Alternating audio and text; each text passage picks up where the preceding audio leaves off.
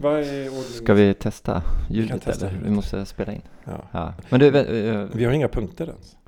nej jag vet. vi, vi tar en konstpaus. Jo, men vi har lite punkter. Ja, jo, jo, punkter har vi, men vi har inte pratat om. Nej, nej, nej. Ska vi göra det först eller? Jag vet inte. Eller så kör vi bara. Så kör vi. Ja, vi kör. Ska jag börja? Jag tycker du ska börja. Eh, Det var en liten kul händelse här. Du kommer ihåg förra veckan? Då drog du ut en skiva ur, eller en CD drog du ut då, Afzelius. Afzelius. här. Och du frågade om en låt. Om den hade någon betydelse för mig. Kommer du ihåg vilken det var? Ja, men först var det ju någonting Jesus gick på vatten. Och sen så var det en låt som bara hade ett ord i titeln. Ja, Ikaros. Men det var inte den du frågade om. Nej. Det var en låt som heter Don Quixote. Don Quijote. just Och vet du vad? Det fin- och den hette ju Röda tråden den här det. Mm. Någonstans känns det som det finns en röd tråd någonstans. Är du en Don Quijote? Och det, det var så här, jag var på 50-årsfest i helgen i Stockholm. Ja. På Lidingö. Åh, Ja, du vet. Ja, fint, ah, fint ska det Ja. vara där alltså. ja. Fantastiskt rolig eh, fest. Eh, jätte, jättekul, verkligen. Det var otroligt hemma hos min eh, gamla kompis, min gymnasiekompis som jag bodde med på, när jag gick på orienteringsgymnasium. Rickard heter han. Ehm, men det som hände där var att det var ett quiz, ett musikquiz. Han, har, han är en sån här mello-kille, Okej. mellosmak Mm. kan man säga. Han har lite annan musiksmak också. Men det som dök upp i quizen, tror du inte att det var Don Quixote med Afzelius? Som man inte hört på 15 år. Och så dyker den upp på en musikquiz, bara in direkt dominerad och den här var ju enkel. Men, då, men vi lyssnar inte på den Nej, vi lyssnade då. inte på den men Men jag du hade, hade den i jag hade den ju liksom i Ja. huvudet Mm. då på, när vi spelade in på fredag. Mm. Coolt. Ja, det var rätt Grattis. speciellt. Ja, 50 år. Ja men du, 50 år. Och det här känns ju extra intressant eftersom du står inför den milstolpen. Ja, det är så. 2024 är ju för oss födda 74 då. Det är 50 år. Ja. Och vad tänker du om det? Eh, Ja, vad tänker jag? Jag, eh, jag tror jag hade lite ångest redan förra året. När en annan sån gammal orienterarkompis som heter Kasper fyllde 50. Då började det där liksom, 50? Jag ser tidningsrubriker framför mig. Där det står liksom, man i 50-årsåldern har gjort någonting. Det går inte att relatera till att det skulle vara en själv och ens kompisar. Mm. Det är någon annan. Alltså Mm. det är några äldre. Någon mellan min, mina föräldrars, min pappa och mig liksom. Men det kan inte vara liksom jag och mina kompisar. Mm. Ehm, där börjar väl tankar rulla liksom. Men eh, jag vet inte nu. Det är som att det har lagt sig lite grann, tror jag. Sen har jag förstått att det, det finns ju någon typ av... Kvinnor har ju klimakteriet, det är ju mer Mm. välkänt då. Men det här som Mm. heter andropaus. Har du Oj. hört det uttrycket? Nej. Nej, men det är tydligen det som händer med män. Rent hormonellt, testosteronnivåerna går ner och man kan... Andro betyder tydligen man och paus då. Okej. Manligheten tar slut Ja, ja, på ja. något sätt. Ja, ja, vad spännande. Så anledningen det- till att äldre män slutar puckla på varandra är inte att de tappar i muskelkraft utan att de faktiskt blir smartare. Ja, kanske det också. Precis. Så kanske man kan se det. Nej, men jag, ja, jag vet inte. Har jag... Jag har försökt fundera. Ja, men på senare tid, det, det mesta där som mal. eh, Och det är klart att någonstans är man ju halvvägs till hundra och ett halvt sekel har gått och det där. Mm. Men eh, och nog finns sådana tankar mellan varven. Liksom. Ja, men eh, hur blev mitt liv? Och jag tror det är rätt naturligt att man ställer sig den frågan. Var är det här? Och, och Men- jag tror inte jag landar i att det är något speciellt. Liksom. Men tänk så här. Kommer jag köpa en motorcykel? Ja, det kommer du göra. Jag Kommer kommer, jag jag, det? kommer hjälpa dig också. Okej. ja, du, Det blir det lite- var wheelies och Det blir italienskt. ja, det är wheelies. Och. Nej men så här. De säger ju, eller de, jag har läst, att ungefär vid 24 års ålder så, så är man ungefär så vuxen som man kommer bli. Ja, Mm, Okej. Förutom andra livserfarenheter Mm. som präglar en efterhand. Och det betyder ju att du har egentligen bara varit vuxen i 26 år. Ja, När du fyller 50. ja. Och om vi säger att du matematiskt då förmodligen lever tills du är i alla fall någonstans mellan 75 och 80. Så har du ju halva den livstiden kvar. Ja, man har ju det. Så att om man tänker att man, och dessutom så är det ju då möjligt att vi lever längre och att vi faktiskt mår bra under. Ja. Så att egentligen är det ju bara, har du bara kommit halvvägs. ja. Det har man ju. Ja. Ja, man ska ju tänka så. Mm. Och när, när du har varit ute och, och tävlat i orientering, Ja, och eh, vad heter det, stationer heter det va? Som ni- kontroller. Kontroller ja. Så när, när du har kommit till hälften av kontrollerna, vad händer då? Ja, det är ju då man öser på. Ja, exakt. Ja, bra där. Mhm. Men eh, du då Patrik? Nej men vi, vänta, vi kan inte riktigt nej, släppa nej, detta vi kan släppa det. Nej. Nej, nej. Så här, ehm, jag har lärt mig efterhand värdet av ceremoniella eh, vanor. Alltså Mhm. jag, ehm, ironiskt nog så var det först när jag förstod betydelsen i yrkeslivet som jag också började förstå värdet privat. Okej. Ehm, och, och vi firar ju till exempel att vi fyller år och vi, vi firar särskilt mycket att vi fyller jämnt. Mhm. Vad är skillnaden nu mellan att närma sig 50 jämfört med när du fyllde 40? Och följdfråga. Ja. När du tänker tillbaks till hur du och dina vänner firade 40. Hur jämför det med hur ni firar 50? ja, jag vet inte tusan om det var så stor skillnad. Om jag ska vara helt ärlig. Men det var ju, visst det var ju det var ganska bra fart på, det här, på den här tillställningen. Jag har sett för liknande i yngre år. Det var ju hemma.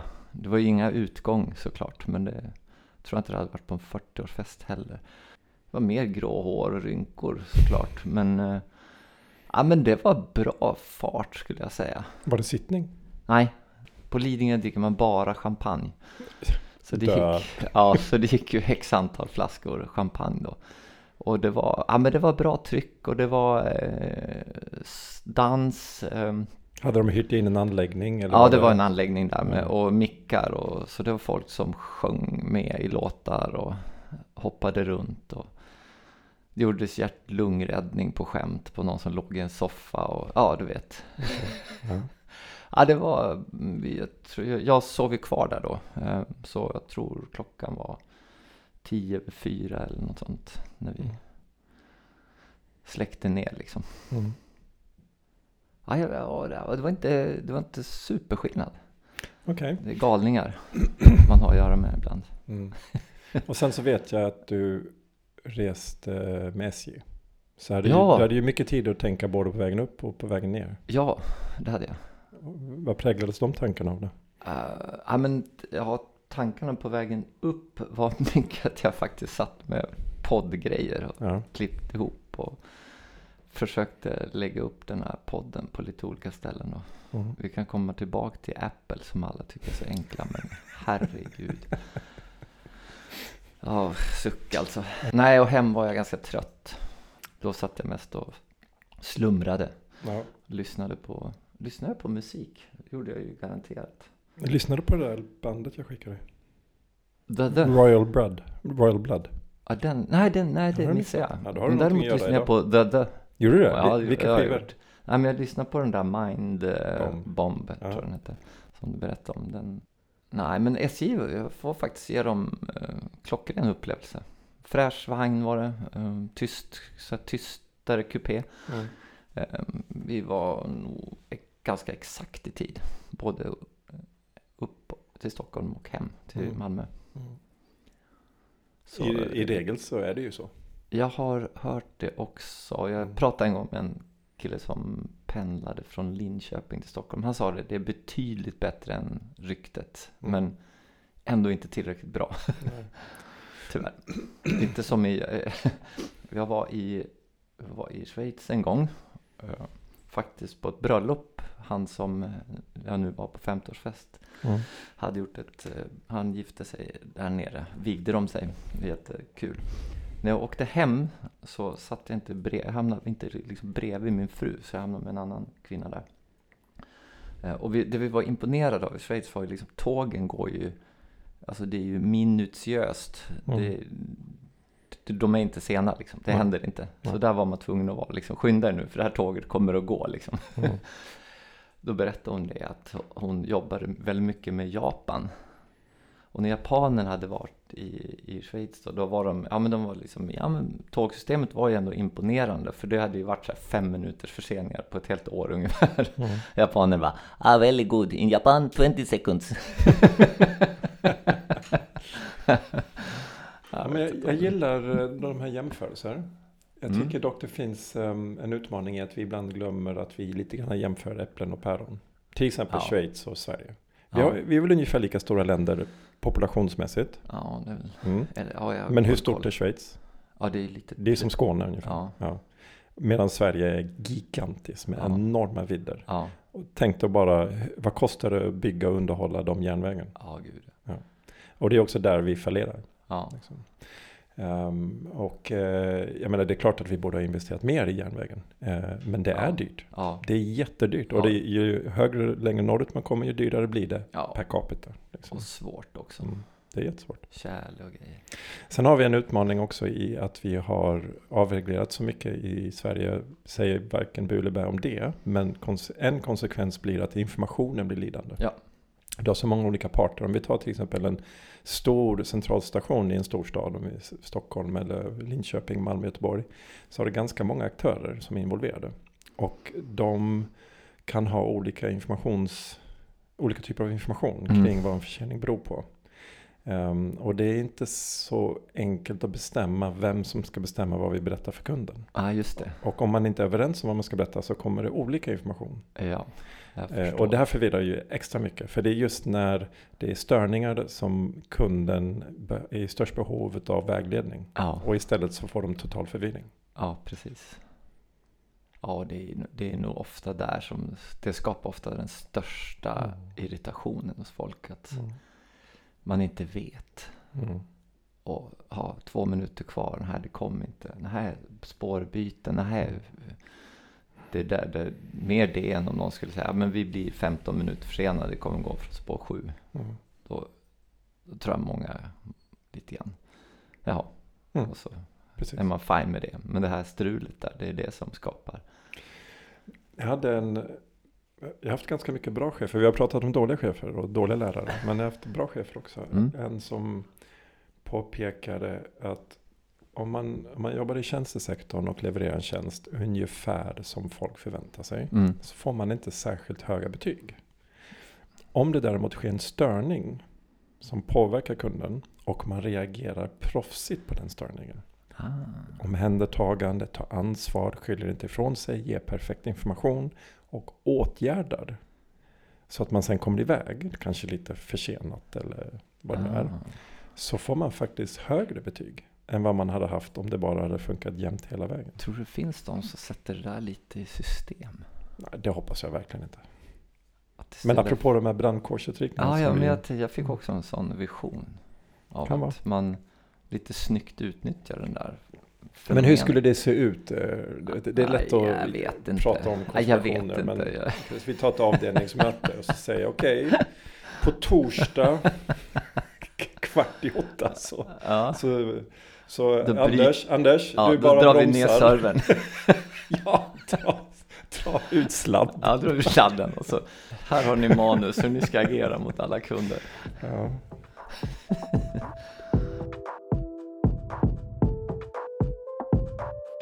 Du, ehm, Äh? ehm, jag, jag tycker inte riktigt vi har bottnat i det här med att fylla år. Men, men vi kan pausa det för nu. Ja, men eh, måste vi det? Eller har du någonting du vill tillägga? har fullt du har väl. Jag har passerat? lista. Ja, jag har ju passerat. Ja, jag vill ta del av din visdom här runt att bli gud, 50. ja, herregud. Jag är ju så sjukt vis. Jag har alltså Ja. dragit ut två visdomständer. Så bara det, liksom. ja, precis. det, är ju, det är ju en KPI. Ja, Trots allt. ja.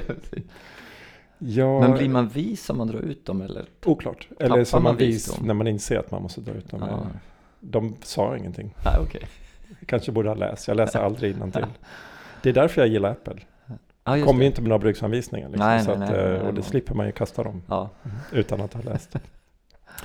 nej, ehm, jag vill nog påstå att apropå ceremonier och, och, och fylla jämnt. Jag minns när jag bodde i kollektiv i Lund och jag fyllde 23. okej. Mm. Och då blev jag, jag minns exakt var jag satt i vilken soffa och satt och deppade för nu var jag närmare 25 än 20. Och det kändes som en enormt jobbig grej att behöva förhålla sig till. Ja, ja, jag förstår. Uh, um, men, men det där är ju bara löjligt såklart. Ja. Um, ja, men jag vill nog påstå att andra livshändelser har haft större betydelse för hur jag ser på åldrandet. Ja. Att bli förälder. Ja, ja. Um, att köpa hus, att ta ansvar för det. ja, Att, um, att råka ut för en, en, en stroke till ja, exempel. Att, att vara glad över att man lever. ja, För det är ju trots allt, alltså det, det, det låter ju jättelöjligt när jag säger det här högt. Men en sak jag tänkte mycket på strax in på stroken var att motsatsen Alltså in, till att leva. innanför, innan du fick den? Nej, efter. Efter? Motsatsen till att leva är ju ja att vara död. Ja, Och döden är ju liksom på något sätt för evigt beständig. Liksom. ja, Det går inte att ångra. nej, Vilket också fick mig att fundera ganska mycket på självmord. Alltså inte Ja. att jag funderar på självmord, jag funderar Nej, på men de, som de som- begår självmord. Vilken, ehm, vilket mörker det måste vara som driver en till ett det. sånt agerande. Liksom. Ja, och det kusliga i att man ångrar ju många saker man gör, eller hur? Men den grejen, Den är svår. den är svår. Liksom. Och om man då verkligen landar i det och tänker, okej, motsatsen då till att ge upp Mm. och känna att allting är övermäktigt är ju att inse att varje dag har oändliga möjligheter. Ja, Och det här låter ju såklart som någon jävla hittepå solskensterapi. Men, ja, men man måste ju hitta den här insikten i sig själv. Ja. För det kan ju vara så att man lever ett förjävligt liv. Man, man, man har ett dåligt jobb, man går upp tidigt, man stressar. Ehm, livet blev inte som man har tänkt sig. Man kanske är nyskild, uh, Ja. för varannan veckas förälder. Får inte ekonomin att gå ihop. Känner en stress över det liksom. Ja. Jag försöker liksom inte bortse från det. Men Nej. det är trots allt så. att Varje dag du vaknar så har du en möjlighet att göra någonting ja. annorlunda än vad du gjorde igår. ja, men du var inne på det Mm. i något tidigare avsnitt också. Ja. Lite liknande det här. Att, vad gör jag av den här dagen som Exakt. jag ändå vaknar? Mm. Men att vi spelar in detta till exempel. Det gjorde vi inte för två månader sedan. Nej. Men det, det betyder ju främst att du och jag utvecklar en relation. Ja, Ehm, och att vi vet om att folk eventuellt lyssnar. Gör Ja. att vi måste hålla någon slags ja, men,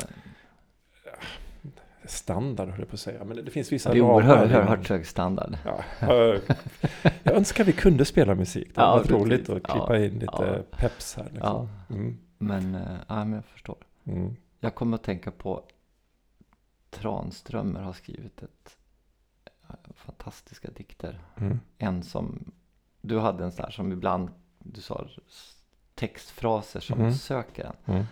Jag har en här som jag tycker är makalöst bra.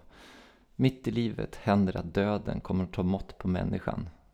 Det besöket glöms och livet fortsätter. Men kostymen sys i det tysta. Den är så jäkla bra alltså.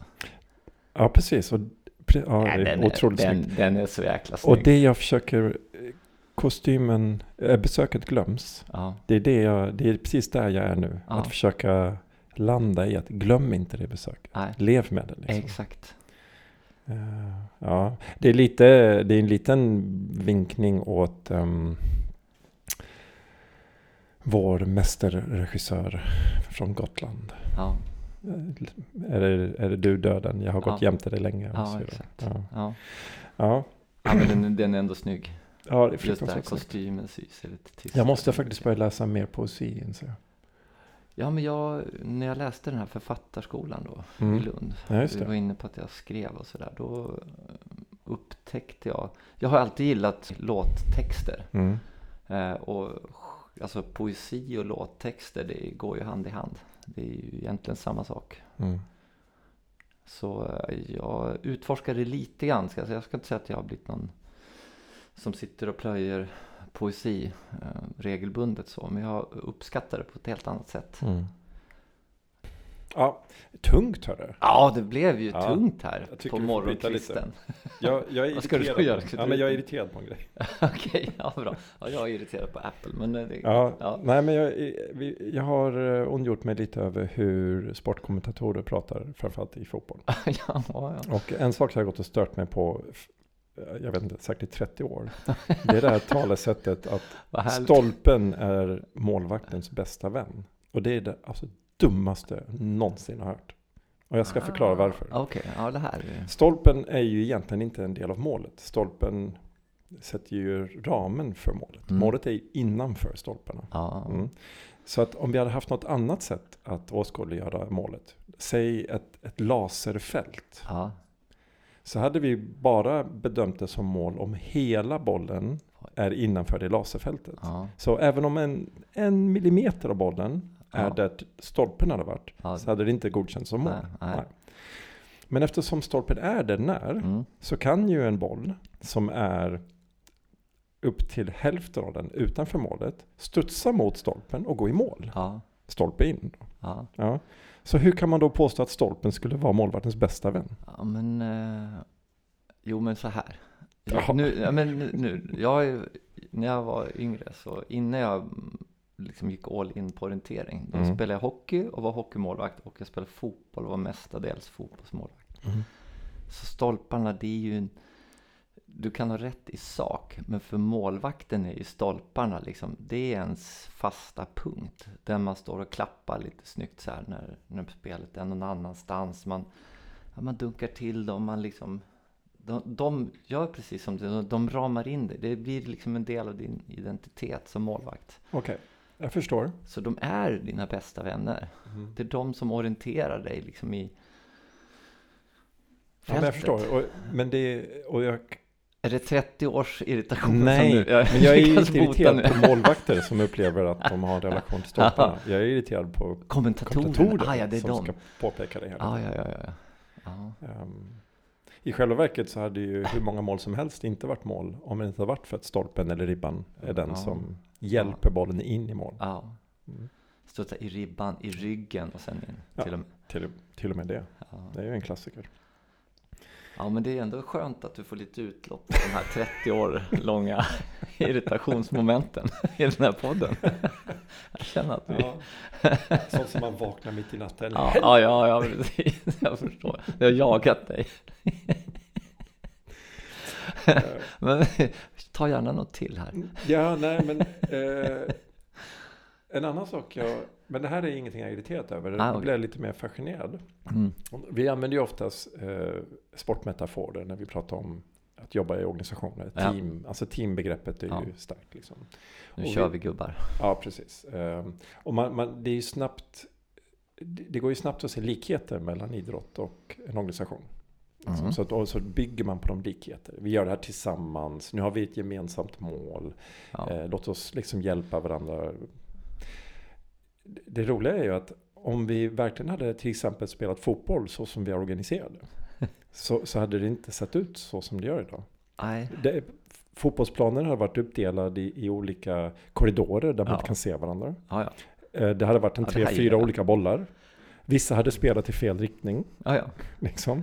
Någon hade inte haft tillgång till målet. Därför hur de än springer i korridorerna så kan de inte komma in i den korridoren där man gör mål. ja just det. Liksom, ja, man kan hålla på i Jag, evigheter. jag ser liksom. framför mig så här Monty Python springer Ja. runt i en sån här Det- det plan. hade ju varit en med- jättebra ja, Monty varit, Python-sketch, Det hade liksom. varit riktigt bra. Mm. Men, det, men inte desto mindre ligger det väldigt mycket i det du säger. Hur skulle fotboll se ut om det var som ett många företag? Mm. Riktigt, det hade ju blivit skoj. lite mer Game of Thrones över det tror jag. Lite Ja. Massa politik och... Ja, hade de ens haft fotbollar i vissa delar? Nej, någon hade ju haft en amerikansk fotboll Ja, och någon ja, ja. hade haft en volleyboll. Och Precis. Så här. Absolut. Det, och, och så skrattar man åt det här. Men, det och sen så ju. går vi till våra jobb och så fortsätter och, och så vi fortsätter springa. vi och så är vi där liksom i, i, i det ena rummet där och springer runt med en rugbyboll. Mm. Ja, det skulle inte förvåna mig. Om någon tycker så. För att då fundera lite grann över hur, vad vi kan lära oss av eh, bollsporter. Jag Men- såg en, ja. Ja, ja, men, jag kunde inte släppa det där riktigt. Vad beror det på då? Att det blir så? Varför, varför ser det inte ut som en organiserad fotbollsplan på våra jobb? Ja men dels så bygger ju ett, en lagsport um, bygger ju på att man har ett gemensamt mål. Man Mm. vet, alla vet ju att vi ska göra mål i den buren. Ja. Vi ska stoppa motståndaren från att göra mål i den här buren. Ja. Eh, Och man långsiktigt så har vi den här serien som vi ska vinna Exakt. eller ja. Precis. Och, och, och det gör vi för att vi tycker det är kul eller för att vi vill vinna och gå upp en serie. Mm. Eller, man har ju en ambition, en vision Ja. på vad man vill uppnå och varför man gör det. ja. Eh, bara man börjar där så, så ser ju inte organisationer ut. Nej, nej, det är sant. Ägarna har en avsikt oavsett om det är offentligt eller om det är privat. Ja. Eh, Ledningen har en annan, ett annat syfte Ja. oftast. Ja. Ehm, och de som städar eller de som har de så minst prestigefyllda jobben har en helt annan verklighet Ja. att förhålla sig till. Vill egentligen bara komma hem så fort som möjligt eventuellt. ja, det kan nog många vilja. Mm. Även i ledningar. Såklart. Såklart. Ja, men det är sant. Det kanske börjar där. Mm. Vi är, dåliga, är vi dåliga generellt sett i organisationer? Ja, man jobbar ju ganska, ändå ganska mycket med att kommunicera mål och visioner. Jag tror bara att det kanske är det här berömda skavet som finns mellan då typiskt en ägare, eh, det som egentligen är företagets syfte att tjäna pengar. Må- Många, många privat... Det, ja, Ja, det, det, det känns så klassiskt att Ja, jag bara vet. Jag- förminska allting till det. Jag tror de, Jo, jag de vet. flesta framgångsrika entreprenörer har ju brunnit för någonting. Ja, men det råder ingen tvekan om. Ja. Det håller jag helt med om. Och där kanske det är ett, ett, lit, när ett bolag som växer från att vara en, en entreprenör och ett antal personer. Då chippar nog alla in på den, det syftet. Mm. Då kanske man har en tydligare riktning. Jag har varit med i ett antal bolag som har gått från att vara så här 50, 70 personer. Mm. Och det, det har jag nästan alltid upplevt att det finns en otrolig skillnad mellan de som var de här 10, 15, kanske 20 första och den som kommer in som nummer 65. För den kommer till någonting där det finns förväntningar om att ja, här har vi HR-avdelning, här har vi Mm. det är uppstyrt.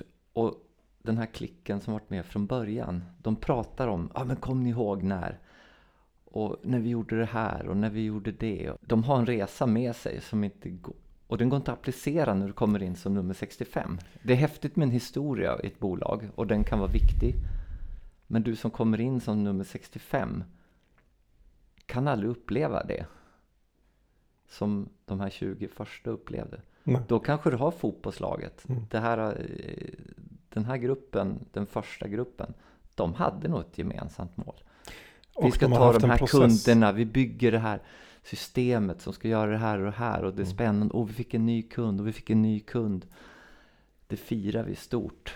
Medan sen när man är ett större bolag så ja, vi fick en ny kund. Alltså det berör inte alla på samma Nej. sätt.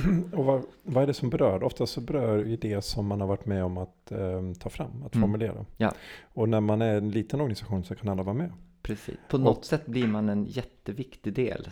Du är högeryttern eller du är försvararen.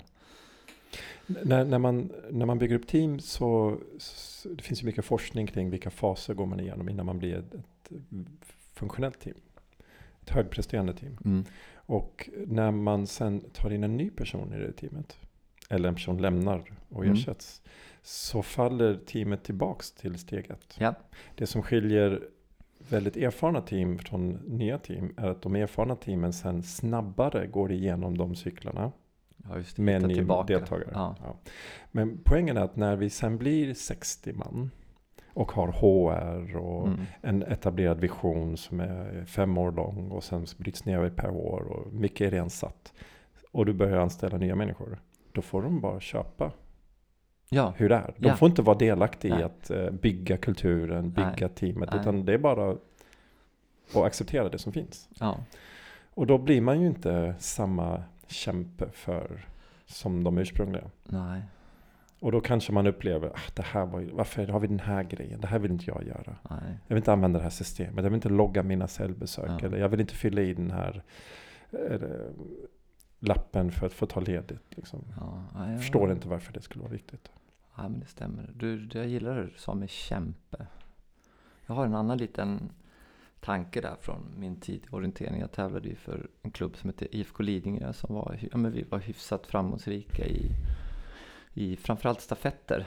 Eh, och jag tror det byggde mycket på att vi var ett kompisgäng.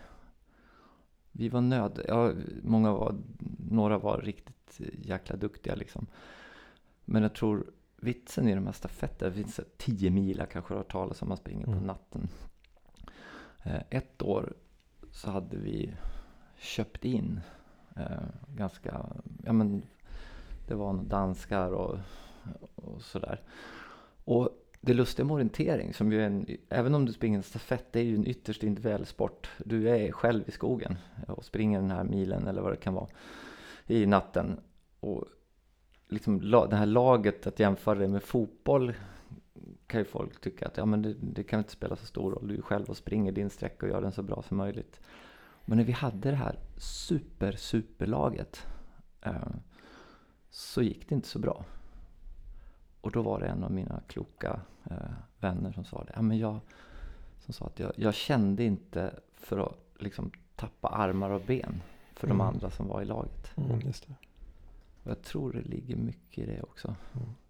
Att du vill, du vill ställa upp för dem du omger dig Och det, det tycker jag är intressant i förhållande till de här superlagen i fotboll. Där du tar in individualisterna. Men det är kanske andra krafter som driver var och en av de spelarna. Jag vet inte. Nej, men jag tänker um, den i mitt tycke ganska olyckliga utvecklingen av europeisk fotboll med pengar ifrån ja, men, oljestater ja, och sådär. Mm. Uh, och, och, lag med sinnessjuka spelartrupper. Mm. Alltså, de är bara så otroligt bra. De, det, är, de är så det, fruktansvärt bra ja, så nej, men de det är väl antagligen behöver knappt en tränare för att vinna. Nej, nej, alla i laget är så otroligt hög nivå. Och lyckas de ta in en tränare på samma nivå som på något sätt skapar en gemenskap, en um, vision, så blir de ju ännu mycket bättre. Liksom. Men, men de behöver ju knappt nej. spela ihop. Det räcker med att nästan ställa ut skorna. Liksom. Ja. De är så bra. Men det är, men det är en väldigt man extremt se, tråkig utveckling. Av ja, men man vill ju se Åshöjden. Ja, det vill man. så är det ju. Det är ju något fantastiskt med sådana stories. Mm. Men nu, kommer vi se det igen? Ja, på andra nivåer kanske? Ah, jag vet inte. Jag, jag känner... Eh, alltså när till och med en klubb som Bayern München ja. Är lite grann Åshöjdens BK jämfört med Manchester City.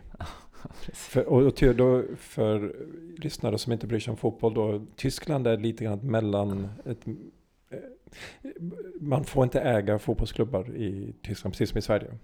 Mm. Vilket också gör då att det finns inget incitament för externa finansiärer att gå in och pumpa upp, för de kan inte ta ut några pengar. Ja, just det. Um, så Tyskland, Bayern München är en jätte, alltså tyska fotbollsligan är enorm och ett gigantiskt publikintresse, ett stort land, det finns överlag mycket pengar. Och Bayern München har en stolt tradition. Um, men de kommer nog inte vinna några Champions League på de närmsta 10-20 åren om det fortsätter Nej. som det gör. De Nej. kommer ju alltid att gå till slutspel och Nej. kanske en åttondels kvartsfinal. Sen kommer det komma en två, tre lag, oftast från Premier League, som är superdopade. Ja. Och, uh, ja, det är lite trist. Ja, det är, ja, men det är inte bara trist. Det är ju frågan om... Det är något snack om någon sån här superliga Ja, också, precis. Va? Och jag har varit enormt motståndare till det. Inte för att någon bryr sig om vad jag tycker. De ringde inte senast från Uefa eller Fifa. Men, Nej. men eh, det börjar bli så löjligt allting. Så man tänkte kanske lika bra. Bara låt de här ja, låt dem göra upp. pengaklubbarna göra upp i en egen liga. Och så kan ja. vi börja om, vi andra. Liksom. Ja, kanske är det. Jag vet. Det går att stoppa. Jag tycker det, är trist för att den, värdet av elitidrott är egentligen inte bara, eller inte i första hand superstjärnor som tävlar eh, för sig själva. Utan det är ju att man inspirerar ju ungdomar ja. och oss vanliga. Och en del av den inspirationen är ju att man nästan kan se sig själv komma dit. Ja, ja. Men, om, men om allting blir liksom någonting som sker uppe i rymden nästan o, helt ouppnåeligt. Så blir det ju helt frikopplat från den värld vi lever ja. i. Ja, det blir ju det. det. Det är som det här med stängda öppna ligor. I, i, i, i europeisk fotboll så kan du åka ur, ur en toppliga. Mm. Samma sak i Champions League. Du måste mm, ju vinna måste. eller komma högt upp i din, din landserie för att kvalificera dig till Champions Ja. League. Men de vill ju ha en stängd liga. De här superklubbarna. Ja, ja. Men då lever den ju inte liksom. Nej. Är, Ja, men då vi tappar det här dramat, dramaturgiska mm, momentet med de här under mm, uppstickarna. precis. Ja, det är, ja, nej, jag är inte heller säker på att... Jag, tyvärr undrar jag om utvecklingen går att stoppa, men vi får se vad det blir av det. Ja, men, Det händer ju alla... Det händer ju i fler sporter också, golf till exempel. ja, Eh, tråkigt. Sportwarsarna i, framförallt där nere i Mellanöstern som Mm. eh, köper in spelare. Nu är det ju flera av de här fotbollsspelarna som har lockats dit. Mm. Eh, i, när de fortfarande är ung, alltså relativt unga. Ja. Många har ju börjat ångra sig. Ja, ja, men jag såg det också. Jag läste någon artikel om det. Raderna, liksom. ja, men jag läste Mm. artiklar att det var några nu som lämnade för att Mm. det var, blev inte så bra när man väl var på plats. Liksom. Nej. Guldet glimrar Ja, när man ser det på det avstånd. vara svårt då. Mm. Men ehm, vad säger du Patrik? Det är ju morgon och det är jobbdag idag. Det är jobbdag idag ja. Det är, men det är en rolig jobbdag. Ja, du ser så stilig ut med din väst och slips här. Jag sitter i någon sliten eh, hoodie och en Pearl Jam-tröja. Ja, men det, det roliga med den här stiliga utstyrseln är att jag har varit klädd ungefär likadant nu i fem år. Ah, ja, Ja. Och, och fördelen med den här klädseln eh, för er som inte ser mig då. För, Jag det ska är bara ta- jag ska- som jag- ser mig. ja. Jag ska ta en bild och lägga Ja. på vår Instagram som Ja, kan startat göra. Men jag har en svart skjorta och en svart väst och en 70-talsslips. Ah, Och så har jag hemma en tre, fyra 70-talet? 70-talsslipsar som är lite ironiska tycker jag då. Är lives. Uh, vänta nu.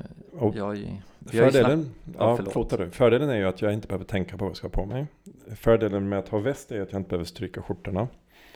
Ehm, fördelen med de här roliga slipsarna är att de, de är lite stiliga men, men det är liksom inte snofsigt på något sätt. Liksom, utan det, det är nästan lite mer så här gubbigt.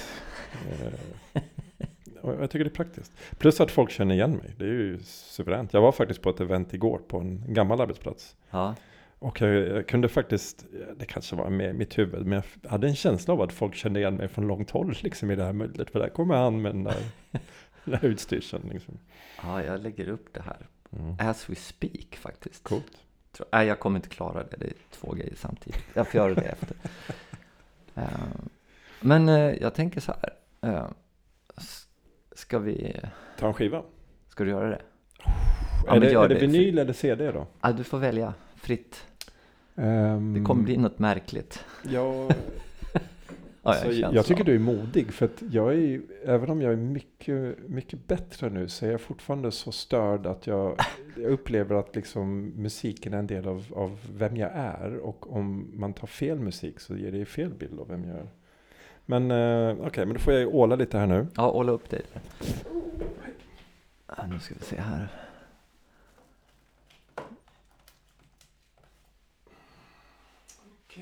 Au, det där såg jag vad det var. Ja, det var ju... Tom Petty, Tom Petty. Full, Me- Full Moon Fever. Är inte detta lite av ett av hans mästerverk? Jo, det är väl det med Free Falling Exactly. och Won't Back Down. Back down. Ja, det där är en klassiker. Jag har aldrig riktigt... ehm, det finns en viss kategori av det jag lite skämtsamt kallar för gubbrock. Som jag aldrig riktigt har tagit mig tid att omfamna. Ja. Och nu kommer du bli jättearg. Men liksom i, min väldigt, i min väldigt amatörmässiga ehm, kategorisering av musik som jag inte har tagit till mig. Ja. Så är Tom Petty, det lägger jag i samma hög som typ Dire Straits. Ja, men lite, ja, inte, han, jag tror nog inte jag blir så arg. Snarare Tom Petty kanske skulle tycka att han var mycket mer rock'n'roll liksom. Tror Mm. inte det? Har inte han gjort en skiva som var lite så här grungig? Nej, jag tänker på någon annan. Ja, det vet tusan. Ja. Men han, jag tror nog Tom Petty själv skulle nog ha tyckt att han var mycket mer rockig. Mm. Tror du inte det? Ja, jag vet inte. Ja, Free Fallen är inte särskilt rockig. Nej. Och Men han har- Down är inte särskilt Nej, men jag tror han lite så här, lite annat ljud på gitarren. Ja, jag förstår. Ja, men jag kan se det, för Dire Straits är ju extremt, allting är väldigt välgjort. Ja, det är så otroligt. och det är väldigt noggrant med, vad heter gitarristens skicklighet. Mark och. Knopfler och Mark hans, Knopfler, ja, precis. Han hade väl inte plektrum tror jag ens en gång. Nej. Utan spelade med, bara med fingrarna. Nej, men det där är väl en stabil skiva. Den, jag vet, vad är det för år på den? Och, ser du det? Ja, 1989. Ja, 89 va? Mm. Men du, jag vet att du ska på bilsemester med eh, familjen. Ja. Vad lyssnar ni på då? eh, radio skulle jag säga. För tjejerna sitter bak med sina Hörlurar. hörlurar. och eh, i och för sig, ja, Maria vill nog bara ha lite radiomix eller något sånt. Ja, min, Och så ibland när hon somnar så smyger jag på något annat. så, så är det. Så det är inte något genomtänkt. Nej. Jag, jag gillar att ha högt. Oavsett vad jag lyssnar på så Ja, lyssnar jag det- ganska högt. Ja, det, Men det gillar inte andra i nej, regel. nej, jag kan nog gilla det också. Ja. Det är en så här när man är själv hemma och Mm. står i köket och så krämar man på lite volym. Mm. Det gillar jag. Då kan det bli vad som helst. Nej men det är samma sak i vår bil. Ehm, barn har oftast egna källor. Och mm, Emily föredrar radion. Ja, Medan jag till och med kan ha förberett en lista. ja. För just Som du aldrig får resan. spela liksom. jag förstår. Men det är hela mitt liv. liksom. Förbereder och sen så är det någon annan som bestämmer. Ja, ändå, liksom. precis. Ja, yes. Mm. Ja, men du. Vi säger väl så idag. Har vi gått i mål? Jag tror vi har gått i mål. Jag Ja. glömde starta klockan. Nej. Men jag ser här på takten att vi börjar närma oss. Okej. Ja, ja, vi har Vi ju är, en över arbetsdag. 12, vi är Ja. över 1200 takter. Oj, Ja, jag har ingen aning vad det betyder. Men Nej, jag, jag, jag, verkar. Men jag tror det brukar vara där någonstans. Ja men vad härligt. Ja, men ha en härlig dag Patrik. Detsamma. Tjingeling. Tjing.